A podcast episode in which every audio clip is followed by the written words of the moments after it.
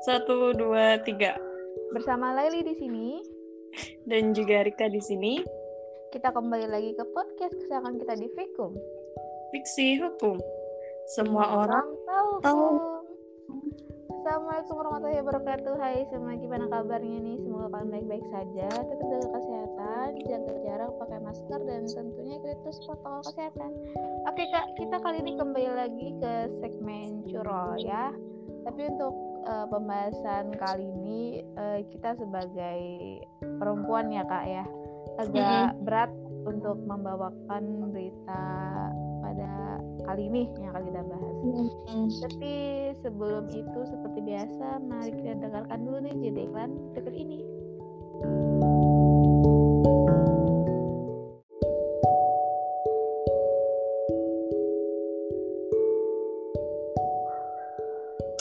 Iya, Laili, uh, apa ya kita juga sama-sama tahu ya beberapa minggu yang lalu, seminggu yang lalu kalau nggak salah itu ada beredar video ya salah satu mahasiswa dari universitas.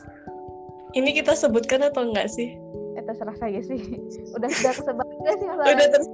Iya. Nah, orang juga uh, ada melihat videonya itu itu apa ya? Miris sih kalau aku melihat. Dan ini bukan rahasia umum lagi bahwa kekerasan seksual itu banyak terjadi di kampus gitu tempat kita untuk menimba ilmu. Ini uh, mungkin untuk memancing ya aku mau bacain berita nih yang aku baca di tempo.co Jakarta. Uh, salah satu mahasiswa Universitas Riau diduga menjadi korban pelecehan seksual. Pelaku diduga adalah dekan di fakultas tersebut. Kasus dugaan pelecehan seksual ini terjadi pada hari Rabu siang 27 Oktober 2021. Korban mengaku baru berani mengungkapkan kisah pilunya itu sepekan setelah kejadian melalui video yang diunggah Komahi Universitas Riau di media sosial. Menurut Lili gimana menanggapi berita ini? Menanggapi ya, mungkin uh, aku menanggapinya yang ini ya korban itu kan speak up nah, mm -mm. setelah speak up malah dilaporkan balik itu sih mungkin yang jadi iya yeah. gitu ya kayak sudah korban terus mm -hmm. ingin dijadikan korban lagi oleh terduga pelaku ini mm -hmm. susah ya kalau emang Iya, biasanya kasus pelecehan seksual emang gitu sih. Pelaku ini pura-pura seakan-akan dia gitu yang menjadi korban dan hmm. biasalah uh, apa undang-undang yang dia pegang yang dijadikan tameng itu lagi-lagi undang-undang ITE, ya, ya kan? nah, itu sih dan aku agak apa ya kesel juga melihat hmm. pengakuan beliau di media sosial bersumpah ataupun apa di di TV ya waktu itu bahwa saya hmm. tidak melakukan itu. Dan aku baca berita terakhirnya ini kasus itu masuk ke tahap penyidikan. Berarti alhamdulillah ini ya kasusnya ya apa berjalan gitu tidak stuck. Karena viral. Tidak viral? Entah kok tidak viral ya kak ya ya semoga kita berharap ada ini ya titik terang dari kasus ini. Betul betul betul. Kembali lagi UITE yang menjerat. Oke. Okay. um, uh, selain mungkin selain mahasiswi Unri itu ya kak kemarin aku juga lihat di Mata Najwa di, di YouTube itu ada salah satu juga penyintas uh, yang speak up mm Jadi mungkin secara singkatnya ya dia itu udah dirayu kak dari dia maba atau mahasiswa. Ya. Dia tuh sebenarnya bukan ketua kelas yang biasanya berhubungan langsung dengan dosen nih. Dia adalah yeah. seorang bendahara kalau nggak salah dan malah dia yang dicat oleh oleh dosen ini, oleh oknum dosen mm-hmm. ini gitu. Jadi mulai dari situ sudah berlagak aneh gitu sampai di ujian semester uh, terjadilah sesuatu yang tidak diinginkan iya. si dosen gitu memaksa mahasiswi itu mahasiswi itu untuk uh, berpegangan tangan mm-hmm. memaksa itu itu kan bukan sesuatu yang patut dilakukan oleh yeah. seorang dosen yeah. kepada mahasiswa itu terus ditambah lagi dosen juga memaksa untuk uh, mahasiswi itu mengucapkan kata-kata yang pantas mm-hmm. untuk kepada uh, dosen tersebut Nah, pada akhirnya di sekitar semester 4 kalau nggak salah katanya dia akhirnya putus kuliah, Kak. Mm-hmm. Karena uh, dia mengetahui di semester yang akan datang kemungkinan dia akan bertemu lagi dengan si beliau ini. Jadi mm-hmm. daripada dia bertemu lagi, dia mending putus kuliah sedih banget sih Kak aku dengarnya. Iya, yeah, sama. Itunya loh kita hmm. sebagai mantan mahasiswa ya kak yang alhamdulillah ya insya Allah dari awal sampai akhir tidak ada masalah seperti ini tuh prihatin hmm. dengan yang terjadi dengan uh, iya, tersebut. Dan uh, itu juga sebenarnya udah di ini ya sudah dibilang Bapak Nadim ya kalau hmm. dia tuh bisa lanjut kuliah katanya alhamdulillah Iya benar banget lah ya. Aku juga nonton videonya itu juga mm-hmm. apa ya kayak membayangkan gitu bagaimana kalau aku ada di posisi dia itu begitu uh, apa ya menjatuhkan harga diri banget yeah. gitu rasanya dan apa ya um, itu bukan satu atau dua kasus saja yang terjadi selama ini banyak gitu kasus-kasusnya. Ya kita berharap juga ya Lai semoga kasus ini nggak terulang lagi. Karena kan ya kampus itu tempatnya kita untuk menimba ilmu. Seharusnya ada rasa keamanan kenyamanan di dalam situ gitu. Oke. Oke, kita lanjut ke berita yang selanjutnya nih ya, Lai. Ini juga beritanya menuai pro dan kontra juga dan kontroversial di masyarakat. Terkait ini Lai, peraturan Menteri Pendidikan Kebudayaan Riset dan Teknologi nomor 30 tahun 2021 tentang pencegahan dan penanganan kekerasan seksual di perguruan tinggi. Nah, ini aku bacain sedikit beritanya ya. Ini ini beritanya aku kutip dari merdeka.com. Permendikbudristek nomor 30 tahun 2021 tentang pencegahan dan penanganan kekerasan seksual di perguruan tinggi menjadi sorotan berbagai kalangan. Aturan tersebut dinilai mengakomodasi pembiaran praktek perzinahan di kampus lantaran perbuatan asusila yang diatur dalam Permendikbud uh, nomor 30 tahun 2021 ini tidak dikategorikan sebagai kekerasan seksual jika suka sama suka atau pelakunya mendapatkan persetujuan dari korban wah ini uh, menarik juga lah. Menurut Laili deh gimana? Oke. Okay.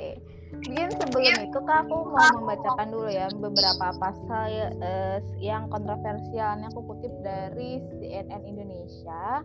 Jadi mm -hmm. di Permendikbudristek ya itu ada di dalam pasal satu ya kak pasal satu ini juga uh, kontroversial gitu itu mm-hmm. dalam rasa uh, ketimpangan relasi kuasa yang mana mengandung pandangan yang yang menyederhanakan masalah pada satu faktor.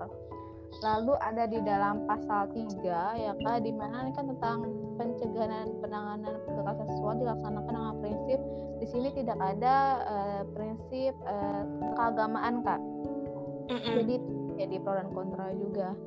Dan uh, mungkin aku yakin juga ke semua agama sama ya kan tidak tidak menyetujui yang tidak menyetujui yang namanya kekerasan seksual. Jadi mm-hmm. tidak masalah dong unsur agama dimasukkan ke dalam sini. Lalu yeah. ada yang dan ini yang paling utama mungkin di dalam pasal 5 eh, ayat 2 ada huruf B F G H J K L M. Yeah. banyak, banyak sekali itu. Ini aku bacakan atau bacakan baca sendiri aja nih bisa dibacakan ya pada intinya itu yang yang paling ini adalah ya. kata atau frasa tanpa persetujuan korban. Contohnya hmm. untuk huruf B itu memperlihatkan alat kelamin dengan sengaja tanpa persetujuan korban. Beberapa juga ada eh, ada frasa tanpa persetujuan korban. Ini yang menjadi spesial. Lalu terakhir ada di dalam pasal 19 Kak yang mana uh, perguruan tinggi yang tidak melakukan pencegahan dan penanganan kekerasan seksual dikenai sanksi administrasi berupa. A. Penghentian bantuan keuangan atau bantuan sarana dan prasarana perguruan tinggi dan atau B. Penurunan tingkat akreditasi untuk perguruan tinggi dan sanksi ini, sanksi ini dinilai tidak proporsional, berlebihan dan represif, tidak mengedepankan pembinaan seperti itu kak. Merdeka gimana nih? Ika kan udah baca juga kan dan pasti udah tahu dong masalah ini. Lagi yang di pasal 5 nih ya kak ya. Gimana? Hmm. Iya lah, aku sedikit banyak sudah membaca uh, undang-undangnya. Kemarin kita juga mengkaji bareng-bareng ya uh, dari pasal tersebut. tapi kalau menurut aku memang ya ada kata-kata yang multitafsir gitu yang uh-huh. memiliki perbedaan pandangan orang-orang ya, ya nah terkait dengan persetujuan tadi tapi uh, kata-kata persetujuan itu dianggap tidak sah apabila memenuhi unsur-unsur yang ada dalam pasal 5 ayat 3. Nah, itu salah satunya aku sebutkan apabila korban itu di bawah umur, apabila hmm. korban itu dalam keadaan uh, terpengaruh oleh alkohol, narkoba, kemudian sakit, tidak sadar, tertidur, kemudian memiliki kondisi fisik atau psikologi yang rentah, mengalami kelumpuhan sementara, mengalami kondisi ter, terguncang, maka e, perbuatan atau persetujuan itu tidak dianggap sah, sah. gitu. Oh. Aku agak ini ya ribet ya menjelaskannya. Tidak apa-apa, kayak aja. Uh, kita analogikan aja deh ya biar paham gitu. Misalnya nih ya, si A mencium B tanpa persetujuan B yang masih di bawah umur ya menurut uh, pasal 5 ayat 3 huruf A, maka persetujuan itu tidak diperlukan. Artinya ada ataupun tidak adanya persetujuan dari korban, maka perbuatan mencium itu adalah uh, kekerasan seksual. Lanjut lagi misalnya menurut pasal eh menurut huruf B-nya nih ketika si A mencium B dalam keadaan terancam gitu karena paksaan atau kedudukan pelaku gitu itu juga tidak sah gitu. Misalnya si pelaku ini e, menanyai persetujuan korban. Jadi persetujuan itu dianggap nggak ada gitu atau dianggap perbuatan mencium itu ya kekerasan seksual karena korban tadi ada dalam keadaan e, terpaksa gitu dan ter apa ya terapa ya, terancam. Kemudian syarat yang lain menyebutkan apabila korban mengalami pengaruh obat-obatan alkohol dan sampai huruf yang selanjutnya itu juga nggak sah dan perbuatan yang dilakukan pelaku itu adalah perbuatan seksual. Paham nggak sih, Le? Maksudnya jika kita misalnya dalam keadaan tidur, kita eh, korban itu nggak perlu menanyakan persetujuan dan itu sudah jelas perbuatan uh, pelecehan seksual gitu.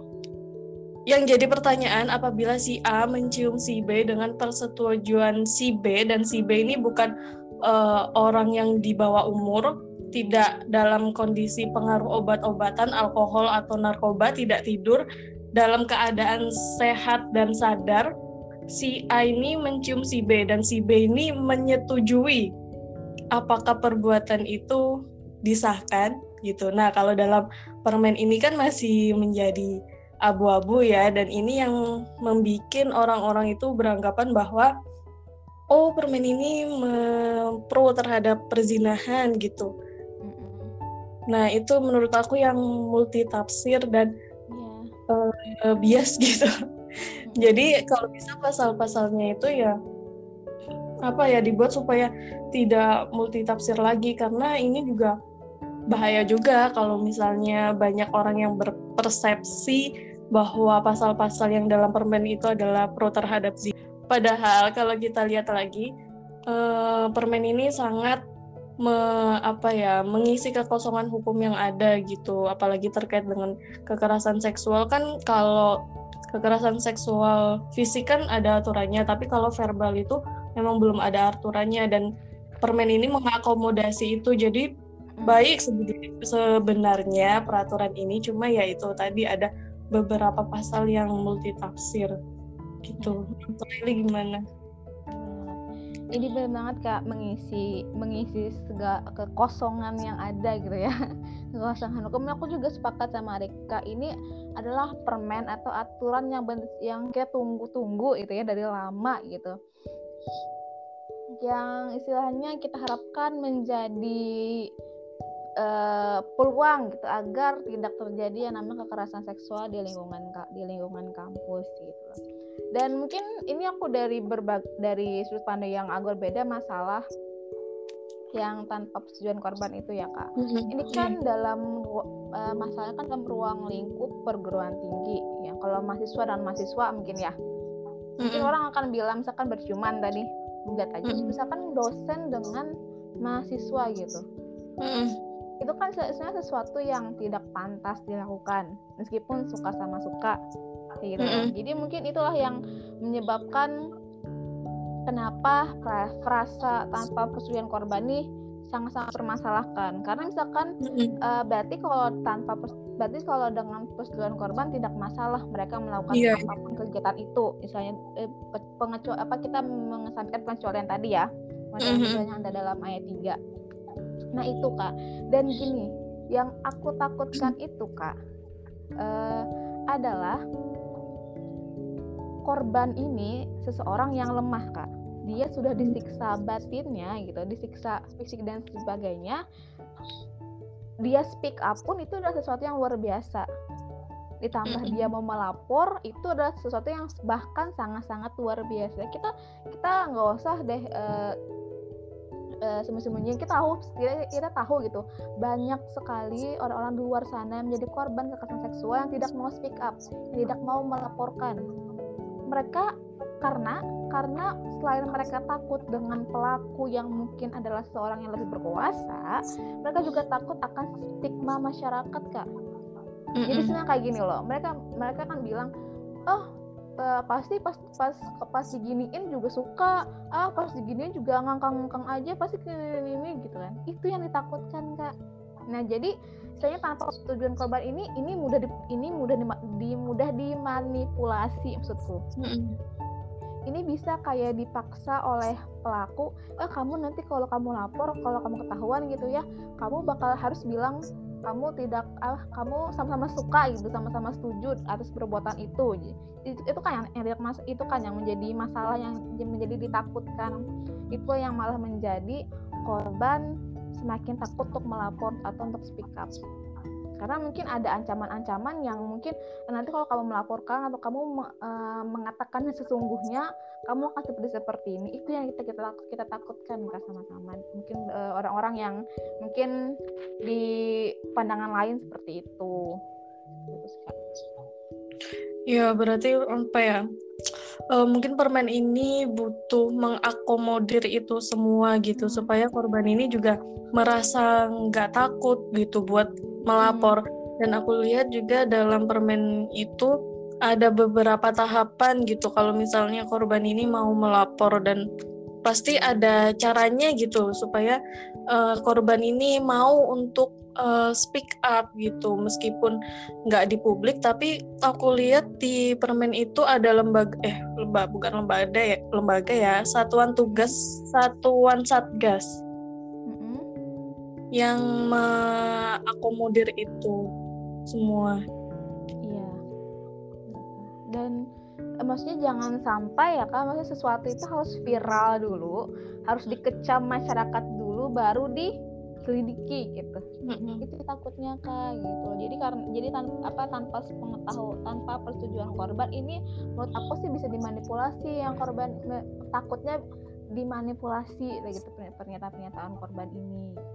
Iya dan balik lagi ya ke perspektif uh, beberapa pihak yang menganggap uh, permen ini mendukung perzinahan itu sama sekali tidak benar ya. Bahwa Pak Nadiem pun juga di, uh, mengatakannya ya di mata Najwa bahwa beliau pun juga pasti menolak gitu adanya perzinahan ini. Tapi memang un, apa permennya itu mengatur tentang kekerasan seksual gitu. Jadi yang berhubungan dengan kekerasan-kekerasan seksual gitu paksaan. Makanya persetujuan tadi juga uh, dimuat gitu dalam pasal itu.